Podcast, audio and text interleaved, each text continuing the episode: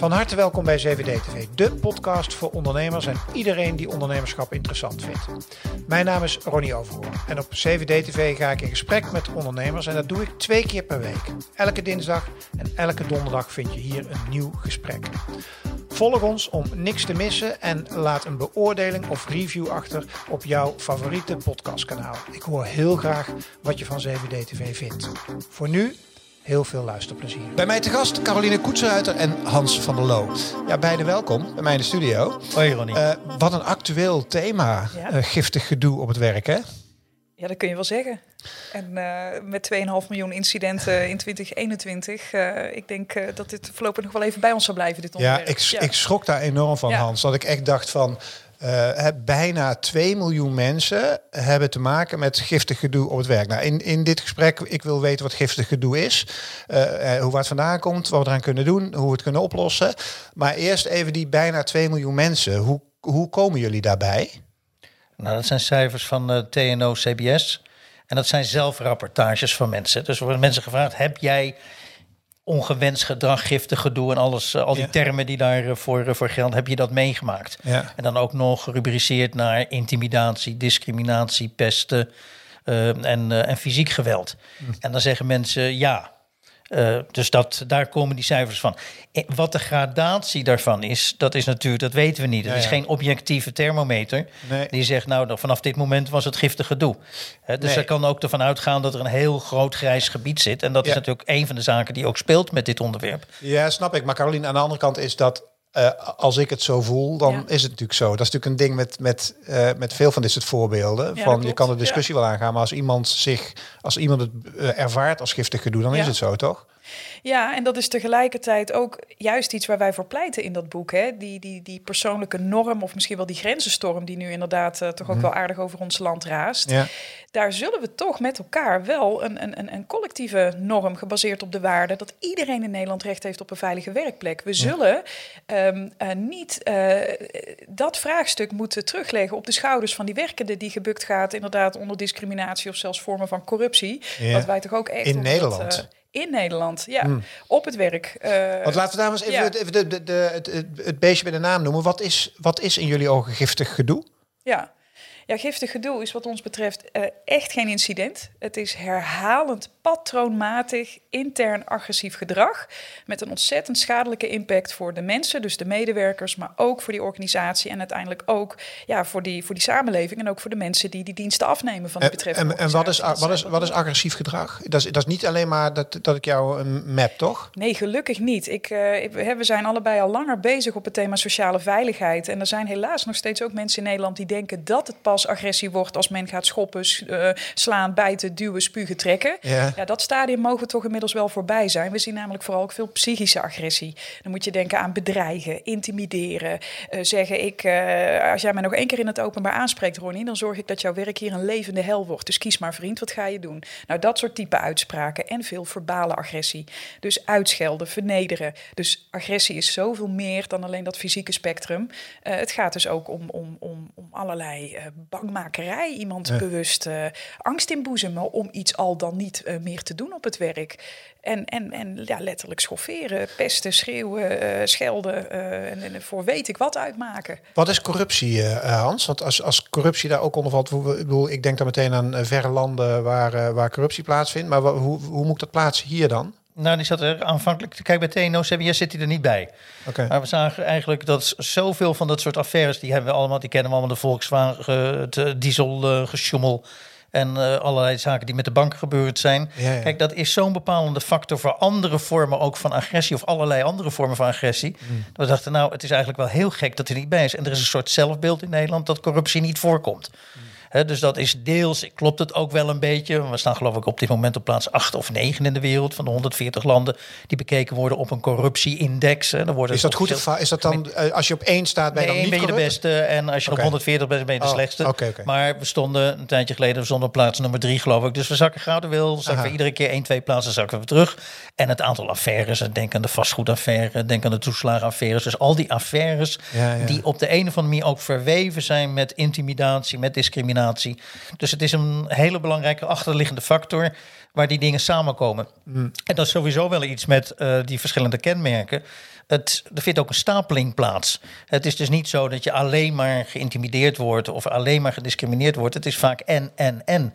Het aantal slachtoffers is 1,9 eh, miljoen. Ja. En het aantal affaires is 2,5 miljoen. Ja, Daar zie je dat eigenlijk al. Dat Ja, het precies. vaak eh, gelaagd is. Ja. Ehm, jullie noemen dat, en dan ga ik geen overhoring doen van het boek hoor, maar jullie, jullie hebben het over de destructieve vijf. Hè? Kun je uitleggen wat, dat, wat, dat, wat, wat die destructieve vijf, wat dat zijn? Je hoeft Ja. ze niet allemaal te noemen als je ze niet Nee. weet, maar bedoel, wat, wat, wat, wat bedoelen jullie met die destructieve vijf? Dat zijn die vijf hoofdvormen hoe giftig gedoe manifest wordt. Dus intimidatie, pesten, discriminatie, corruptie en fysiek geweld. En bij intimidatie hoort ook echt als specifieke subcategorie uiteraard ook seksuele intimidatie. Ja. Maar dat zijn ook twee verschillende dingen. Hè? Dus eh, niet alle- Intimidatie of seksuele Ja, intimidatie? dat klopt. Ja, hè, wat ik net zeg, dat, dat nare voorbeeld van... eh, als je me nog één keer openlijk eh, durft tegen te spreken... maak je jouw leven hier een living hell, is iets anders... dan aan een collega via de appgroep informeren... of ze van orale seks houdt. Die is wel, die, die is wel, die is wel heel erg uh, out of the blue. Goedemiddag. Die- die- die- Ik ja, dacht dat, dat, de notulen van de eh, vergadering eraan kwam. Ja, ja, ja. Ja, ja, maar ja, het gebeurt. Maar, ja, we moeten het, maar dit is wel iets heel wezenlijks, Ronnie. Want we Ja, ja. blijven het in Nederland allemaal vrij onvloerst, ongewenst, grensoverschrijdend, Ontoelaatbaar. ontoela- ontoelaatbaar gedrag. En dit zijn Zo, dit hebben, hier hebben we het gewoon over. Dit, Laten we het maar gewoon eens even uit die schimmige doolhoven trekken met elkaar. Ja. Dit gebeurt veel vaker dan ons lief is. En ook veel vaker dan die zaken die we in de media natuurlijk eh, ruim opgeserveerd krijgen. Als er Ja. een bekende persoon aan te pas komt. Maar dit gebeurt overal, in alle sectoren. In de ziekenhuizen, in het onderwijs, bij het openbaar bestuur, bij de bedrijven. Niet alleen eh, bij de amusementsector. Jullie Nee. noemen het chronische klootzakkerij, hè? Ja. Ja. Ergens wel. En er is trouwens één interessant ding nog. Dat ehm, de perceptie van een hoop mensen... Want er is een groot Amerikaans onderzoek gedaan van MIT. Die hebben 1, wat is het, 1,9 geloof ik miljoen reviews op Glassdoor. Dat is een site waarin beschreven wordt wat je ervaringen zijn op het werk.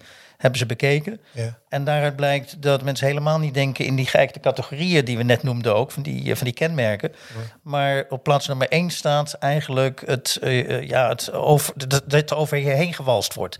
Dus het gebrek aan respect, dat Ja. is nummer één. Ja. En dus mensen zien het als iets respectloos. Ja. En het tweede is, ze voelen zich buitengesloten. En het derde is, eh, ze voelen het ook als een vorm van gebrek aan integriteit.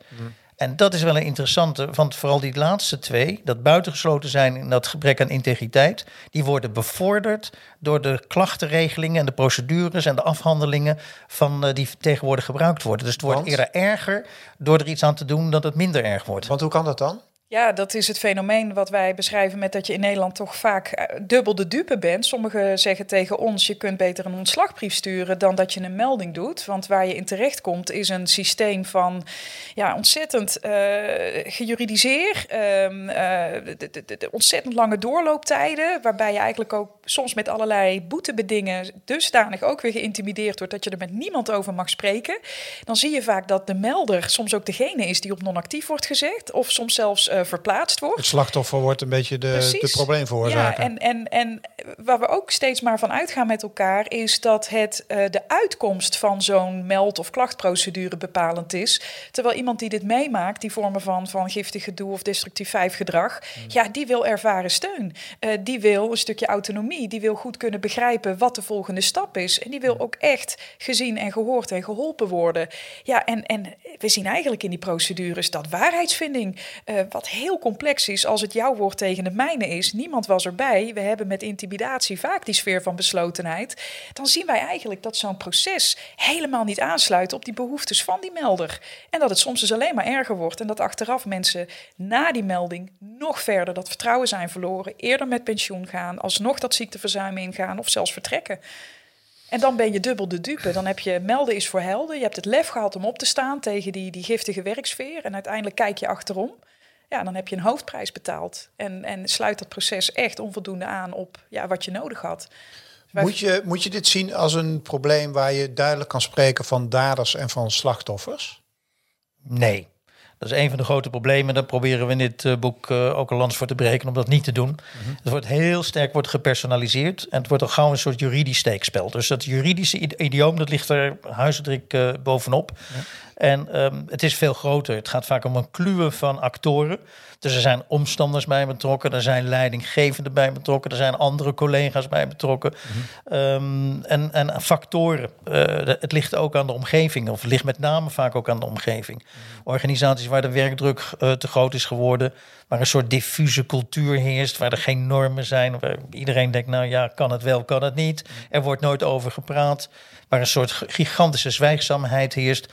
Of waarbij ook een, zelfs een verheerlijking heerst van uh, de grenzeloosheid. Denk aan de cultuursector.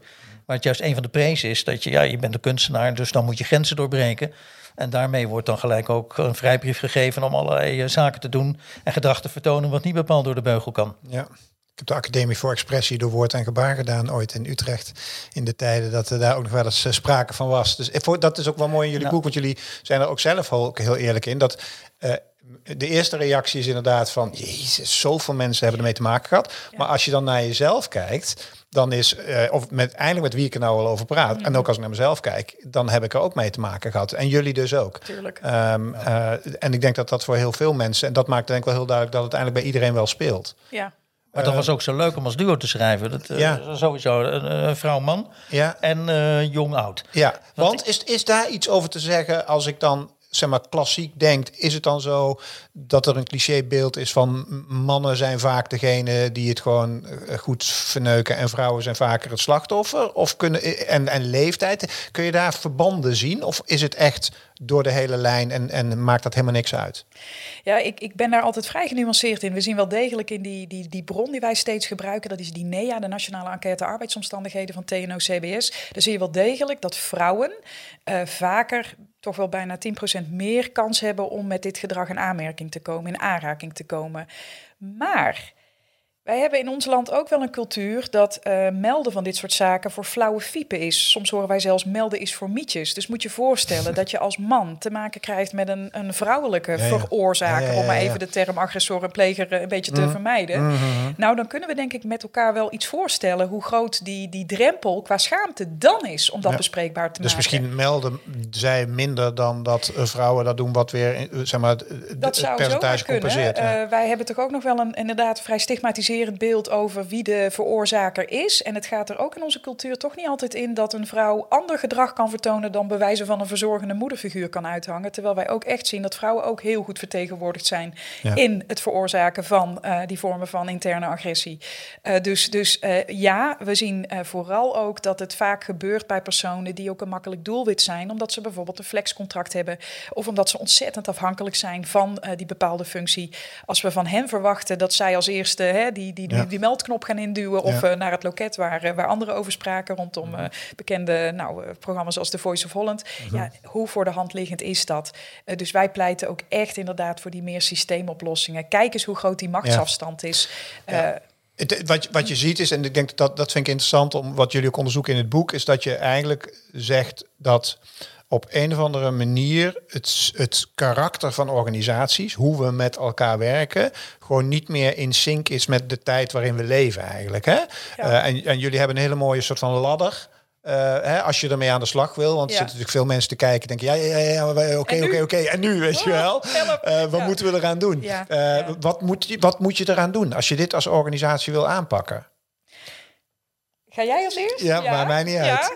Nou, oké, maar ik, ik wil even voor die ladder nog zijn. Je moet even snappen hoe het werkt, Ja. het hele systeem. Ja. Want kijk, er wordt vaak gedaan, want het is altijd zo als het naar buiten komt, voor de meeste organisaties reageren dan heel verbaasd en verrast van, goh, wat overkomt ons nu dan? Hadden helemaal niet gedacht. Terwijl het soms al decennia aan de gang ging. Nou, denk ook aan het studiosportverhaal, weet je. Ja. Dat is twintig jaar aan de gang ging dat. Aan universiteiten zie je dat een hooggeleerde gewoon decennia eh, een vakgroep terroriseert. Eh, met alles wat. En iedereen doet dan heel eh, verrast. Dus dat is de eerste.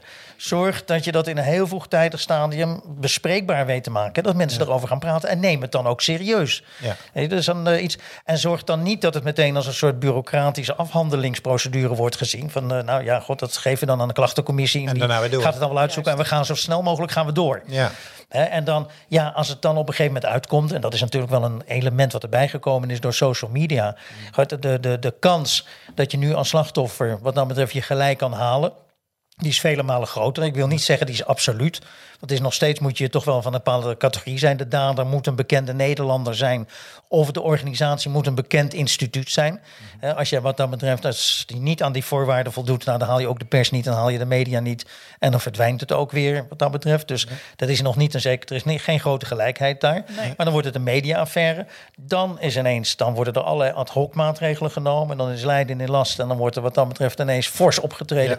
Ook gepersonaliseerd. Er wordt direct een zondebok gekozen. En of het nou Marco Borsato is of Tom Egbers of iets dergelijks. Zijn dat zondebokken? Nou ja, ik denk het wel. Kijk, um, die, die, die, je, je wordt eruit gehaald. Dat net zo goed Jack van Gelder kunnen zijn of Mart Smeets of elke willekeurige presentator volgens mij. Als ik dat verhaal van de Volkskrant lees, die wordt er nu uitgehaald. Heeft zichzelf er ook min of meer uitgehaald, moet ik ook zeggen. Van, als je dan zelf ook nog voor de pers komt en dan je verhaal gaat zitten vertellen, denk ik, ja, hoe, hoe dom kan je eigenlijk zijn? Hè? Van dan bevestig je die personalisering. Maar wie de dans ontspringt in dit geval, dat is de leiding. Ja. Dat is de organisatie waar de grootste verantwoordelijkheden liggen. Die hoor ik niet. En het, is, paniek, het is al een week stil. En in paniek gooi je de hele hoofdredactie er dan maar En dan gooi je de paniek uh, eruit. Terwijl ze eerst een heel ander plan hadden. Ja. Uh, waar je dacht ook, wat is dit een onzalig plan? Maar hoe pakken we het dan aan? Dan gaat Caroline Ja, nou ja, dat is... Uh, ik, ik, eigenlijk zie je waar het... Uh, wat, wat we steeds mis zien gaan... is dat het dus niet proactief wordt aangepakt. En dat men dus wacht tot die reactieve signalen. Ja. Um, en als we het nou hebben over uh, hoe moet dit nu anders, dan zul je elke melding, maar vooral ook daarvoor, daar pleiten wij dus voor, elk vroegsignaal, ja, daar zit brandstof voor leren in. En dat moet worden uitgepakt. En uh, als we kijken naar uh, een stukje verder op die veiligheidscultuurladder, dan hebben wij het over een responsief samenspel. Ja. ja, dan zul je dus ook moeten zorgen dat er bijvoorbeeld een, een, een brede veiligheidstafel binnen zo'n organisatie is. Uh, waarbij, een veiligheidstafel? Ja, zo noemen wij dat. Want okay. we zien eigenlijk dat het ontzettend gefragmenteerd is. Het gekke is, we hebben al sinds 1994 de plicht voor de werkgever om een veilige werkplek voor iedereen die binnen die organisatie werkzaam is, een feit te laten zijn. Nou, dit is blijkbaar nog steeds een soort vrij blijvende suggestie voor velen. Mhm. Eh, dus meer bureaucratie toevoegen, zoals uh, nu overal uh, verplicht vertrouwenspersonen of verplichte loketten. Nee, want dat is weer dat gefragmenteerde beeld. En waar wij voor pleiten is die brede tafel, waarbij je ook de bedrijfsarts, die bijna dagelijks, daar hebben wij ook veel contact mee, althans met een afvaardiging van die beroepsgroep, die hebben bijna dagelijks mensen, mhm. medewerkers aan tafel, die nou zwaar gebukt gaan, daar letterlijk ziek van worden of psychische of lichamelijke klachten door ontwikkelen door al die giftige gedoe.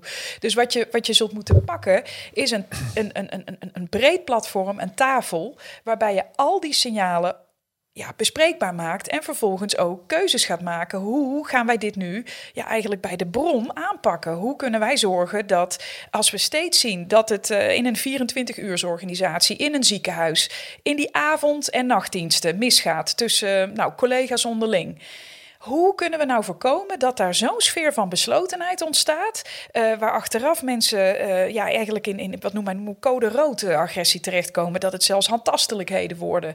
Hoe kunnen wij dat anders doen? Hoe kunnen wij bij de, de onboarding van mensen met die heldere norm vanuit die organisatie dat agressie geen plek heeft binnen ons bedrijf, hoe kunnen we daarop contracteren? Maar ook hoe kunnen we nou die leidinggevende belonen, uh, die dus niet twintig jaar wegkijkt en van het laissez-faire leiderschap is, dus mm vooral aardig gevonden wil worden, geen zin heeft in gedoe en vooral niet voor die enge toestanden. Een van de meest destructieve vormen van leiderschap. Absoluut, dat, ja, ja, inderdaad. Dat is passief machtsmisbruik, zelfs wat ons betreft. is echt een van die enabling factoren in die kluwen waar Hans het al over had. Dus je zult leidinggevende proactief moeten bevragen: wat heb jij deze maand gedaan om die sociale veiligheid dichterbij te brengen? En niet alleen vragen, durf ook eens ter discussie te stellen welke mensen, welke leiders of welke medewerkers binnen het bedrijf of de organisatie nou steeds promotie maken. Maar wie moet dat nou doen? Moet dat een, bij wijze van spreken, externe specialist zijn die op dit onderwerp uh, wordt ingehuurd? Of moet iedereen het met elkaar erover hebben? Of nee, moet het MT... Uh, hoe geef je dit vorm, die tafel waar jij het over hebt? Ja, nou ja, ik ben zelf echt wel van mening toegedaan dat als het... Uh, het is belangrijk, we hebben nu ook voorbeelden, bijvoorbeeld in het Albert Schweitzer ziekenhuis. Daar zijn chirurgen, uh, dat zijn er 16, 14 mannen, twee vrouwen. Die hebben zelf heel bewust, naar aanleiding van al die affaires die nu in de media spelen, zijn zij proactief hun appverkeer uh, aan het screenen. En zij komen er ook achter dat daar zeer seksistische en eigenlijk racistische uitspraken, afbeeldingen in staan. Die zijn ze gaan opschonen. En de norm is vanaf nu, dat doen we dus niet. En we spreken elkaar ook op aan, want dit willen we niet meer. Mm. Dat is echt wel een voorbeeld van eigenlijk, weliswaar, als je kijkt naar de pikorde, de chirurg in een ziekenhuis, in zo'n 24-uursorganisatie, zeker niet uh, de minste. Dus dat zijn ook informele leiders en vaak ook formele leiders, zeker in die operatiekamers. Dus dat kan ook. Maar als jij uh, van onderaf uh, in, die, in, die, in die flexcontracten bijvoorbeeld uh, ergens achter de balie zit of de telefoniste bent, dan, dan geef ik je, ja, dan denk ik dat het een hele harde dobber wordt om dit ook naar boven toe te krijgen. Dus ja, natuurlijk moet er ook vanuit zo'n raad van bestuur en elk directieteam in Nederland inmiddels ja, eigenlijk hier kennis van nemen dat zij ervoor verantwoordelijk zijn. Niet alleen moreel, maar ook. Safety by design noemen jullie, hè? De, het hoogste niveau in die ladder. Hè? Dus dat je eigenlijk het, het, het, het onderwerp safety integraal integraal aanpakt als onderdeel binnen je hele organisatie. Ja, integraal en uh, zien ook uh, in de richting van het voorkomen. En niet alleen maar reactief erop reageren. Ja, Kijk, die systemen zijn allemaal mooi. If shit hits the fan, ingrijpen. Dat, maar, dat is het. Probeer dat te voorkomen.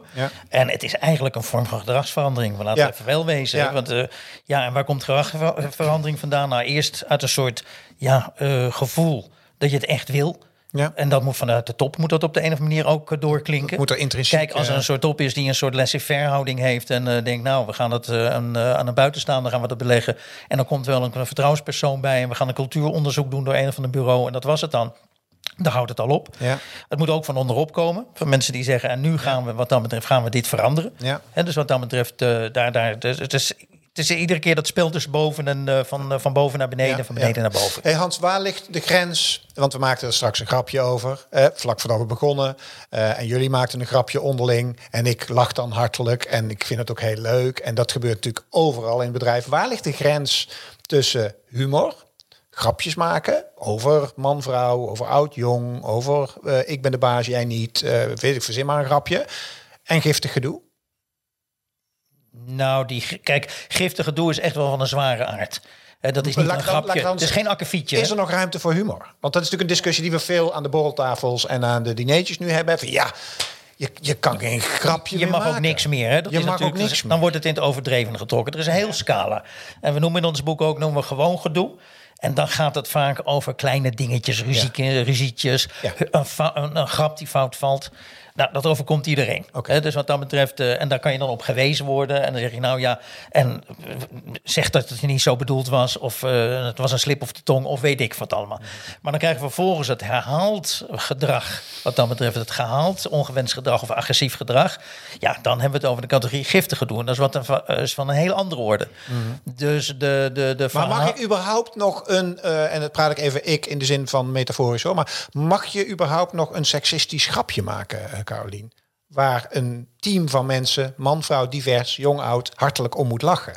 Kan dat nog? Ik denk als je jezelf daarbij vooral op de korrel neemt, uh, denk ik dat er meer kan dan dat je uh, daarbij uh, het vrouwtje of iemand, hè, het gaat over een seksistisch grapje. Ik, ja. Is voor mij helpend als je misschien concreet kan maken, want dan kan ik ook ja, Jezus, daar eens even over, over meedenken. Ja, ja, ja, ja, nee, maar ik denk dat Hans wel een heel treffend punt heeft, want het is natuurlijk eigenlijk dat, dat onderscheid tussen plagen, een plagerijtje en pesten. En pesten is stelselmatig. Hè, steeds die ene vrouw die een fantastische presentatie geeft, alleen maar zegt zeggen: Goh, wat heb je toch leuke knoopjes op je vestje aan. Als dat uh, steeds de grap is, dan is het absoluut niet wederkerig. En dan wordt ook steeds dezelfde persoon gepakt. En dat stelselmatig, ja, dan is het gewoon pesten. Dan is het geen leuk plagerijtje ik Voel hem, ik voel hem, dus voel vooral neem jezelf, uh, tuurlijk. Uh, maar, maar laten we bij die, bij, die, bij, die, bij die leuke kwinkslagen vooral inderdaad die humor eens een beetje gebruiken om onszelf niet te serieus te nemen. Ja. En ja, er is, ik vind dat, dat het ook wel aardig in dat boek beschreven staat. Voor mensen die doodsbang zijn voor verandering, is het een hele spannende tijd waarin we leven, deze grenzenstorm. Maar voor mensen zoals wij, die, die ja, eigenlijk ontzettend snakken naar die, die, die veilige, inclusieve werkplek, waar mensen mm. elkaar helpen, waar mensen samenwerken, uh, waarbij afspraak ook afspraak is, waarbij je op elkaar kan vertrouwen, is het helemaal geen beklemmende of angstige periode. Maar gelooft er iets ontzettend moois aan. Snap ik. Alleen het is nog een ander aspect. Hè, als we naar die andere kant kijken, is dat, want we zitten natuurlijk nu in een fase waarin dit enorm onrustig en in beweging. Iedereen op te zoeken. Bij, uh, en wat je ook wel eens hoort, is ja, dan, en dan heb ik te maken met van die, van die woke mensen, noemen ze die dan. Ja, ja, ja. ja uh, als ik al één keer vraag aan de stagiair om een kop koffie te halen, dan word ik al beschuldigd uh, van. Dan, dan is dan max misbruik en dan ben ik vrouw onvriendelijk. Uh, herkennen jullie dat? Nou ja, ik herken vooral ook dat uh, er toch ook wel, en dat is ook een gevoelig onderwerp, we hebben het ook over in ons boek, juist leeftijdsdiscriminatie, ageism. Uh, uh, de personen met wie wij spreken en ook de experts die wij hebben gesproken, die kijken juist ook naar ja, de, die, die, die oudere leiders in Nederland, die soms al twintig jaar op het plusje geplakt zitten, toch uh, 55 plus de witte mannen. Mm -hmm. Zijn zij niet eerder, nou ik wil niet zeggen het probleem, maar ook echt de sleutel naar die inclusieve veilige leider op die werkplek? Dus ik zie hem juist ook de andere kant op gaan. Mm -hmm. um, en ik denk dat um, ja, deze, deze, deze afstemming en instemming, daar hadden we het net ook al eventjes over, hoe belangrijk dat is. -hmm. Ja, daar zal, deze twee groepen, die moeten met elkaar door die bocht. Maar één ding staat, wij kiezen altijd de kant van die veiligheid. Ja. Uh, en niet wie er hier gelijk heeft. Niet mee nee. in het rotte appel denken. Er is nee. hier een, een, een mand die ja, in Nederland, niet overal, maar op veel plekken toch echt wel ja, gekenschet wordt door, uh, door giftigheid. Ja. En, en ja, wie er dan moet veranderen, uh, ja, ik geloof dat dat het moment is om die opgave voor jezelf eens heel goed uh, uit te voeren. Ja. En daar zijn ook hulpmiddelen voor, intern en, en extern. En giftigheid die genegeerd is lange tijd, hè? Ja. Want het is, we zijn zo in het soort geluk-idioom uh, zijn we vervallen. De happiness, chief happiness officer. We moesten allemaal gelukkig zijn. En de happy office en de happy dit en de happy dat. Ja, dat we wat dat betreft helemaal geen, geen blik meer hebben gehad over het feit dat werk kan ook een hel zijn voor, voor veel mensen. En die 2,5 miljoen gevallen, die geven dat ja. aan. Ja. En uh, ja, dat is iets anders als het, uh, de happiness. En ja. kijk, die veiligheid is überhaupt een randvoorwaarde om überhaupt happy te kunnen zijn, om gelukkig te kunnen zijn. Uh, dus wat dat betreft is het goed dat we daar nu ook aandacht aan gaan besteden. Ja, wat gaan jullie met dit boek doen? Wat is het plan? Want jullie hebben het niet zomaar geschreven. Nee, ja, wij hopen echt, uh, dat is eigenlijk hè, wat we zeggen, die, die, die veiligheid, dat is een, een, een recht van ieder werkende in Nederland. Nou, dat zijn mm. ruim uh, bijna 10 miljoen mensen. En ja. wij willen ontzettend graag dat, dat, ja, die, ik noem dat gerust een emancipatiebeweging. En dat is inderdaad ook echt vanaf die werkvloer, dat we daar met elkaar voor gaan staan. Maar dat mm. betekent vervolgens wel uh, dat dit boek in handen moet komen van beleidsmakers, van directeuren, van het ministerie, van de arbeidsinspectie, van de Landelijke Vertrouwenspersonenvereniging. Van, van alle medewerkers ook, toch? Liefst wel. Ja. ja. Ja. ja, dat zou natuurlijk het allermooiste zijn. Hoe was het proces van schrijven, even los van de inhoud? Hè? Van jullie, ken ik jullie, kom jullie voor de eerste keer ja. tegen hier bij mij in de bank. Dus die dynamisch duo, uh, moet ik zeggen. uh, erg leuk dat jullie mijn gast wilden zijn. Hoe was dat proces van een boek schrijven samen?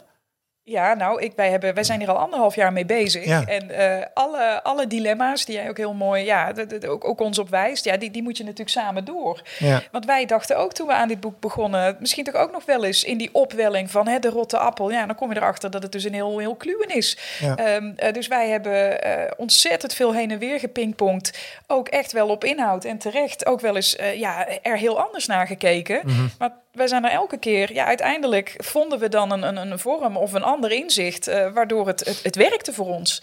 Ja. Uh, maar ja, het is een, het is een boek wat uh, nu al ook ontzettend veel reacties, terwijl het er nog niet eens is, eigenlijk nee. oplevert. Ja. want ja, wij spreken ons wel heel duidelijk uit en geven er echt een duiding aan. En ja, en, ja dat, op een hopelijk, wij, ja, wij, wij misten in Nederland, er waren heel veel how-to boeken. Dus inderdaad, uh, uh, hoe moet je een medewerker aanspreken of hoe ja. geef je feedback? Maar die bredere blik, ook naar die, die, die, die factoren en ja, die, die voorgeschiedenis die wij zo belangrijk vinden, mm. ja, dat, dat, dat, dat ontstond. Zeker, en het was, uh, het was een cri de coeur, zo we mogen zeggen. Dus wat dat betreft, en ja, en hoe ja. meer we daarin zaten. En wat ook heel, we zagen elkaar niet zo heel veel. Dus dat is ook wel een uh, uh, mooi. Dat je juist een team kan vormen ja. als je elkaar ja. weinig ziet en gewoon ja. aan een opgave werkt. je hoeft niet de hele dag bij elkaar te zitten. Ja, Zodat, dit was zo leuk, dat remote werken, dat hielp hier gigantisch. En soms nou, dan hadden we wat dan betreft intensieve contacten via, via, via internet en via de, de, de, de, de teams. En ik weet het allemaal niet. En dat, uh, dat, ging, dat ging eigenlijk hartstikke goed. Ja. Dus. Ik dank jullie uh, voor dit uh, gesprek, Caroline en Hans. En Caroline, jij zei net dat het boek er nog niet is. Dat klopt, want wij nemen het nu op en het boek is er nog niet. Maar magie is daar, want hij ligt daar gewoon. Oh. Want de mensen die nu kijken, die kunnen hem al kopen. Want hij is... Het, ja, ja, ja, je ziet het hier ligt, hè. want de video is natuurlijk iets eerder opgenomen. Dus het boek is inmiddels verkrijgbaar bij Managementboek of bij uitgeverij Boom. Dat zijn ook de twee organisaties die deze serie mogelijk maken. Waarin ik in gesprek ga met auteurs van prachtig en inspirerende managementboek. En iedereen die werkt en iedereen die managt en iedereen die onderneemt in deze tijd, denk ik dat dit boek moet lezen. Giftig gedoe op het werk. Dankjewel voor het kijken. Hoi. Dankjewel voor het luisteren naar deze podcast. Vond je het nou een leuk gesprek? Laat dan je beoordeling of review achter. En weet dat CVD-TV heel graag samenwerkt met ondernemers en bedrijven om mooie gesprekken te maken over ondernemerschap in de volle breedte. Wil je daar nou meer over weten? Kijk dan op www.partner7dtv.nl. En als laatste, vind je de podcast leuk, maar wil je heel graag de gezichten erbij zien? Weet dan dat CVD TV ook als YouTube-kanaal beschikbaar is. Dankjewel voor het luisteren.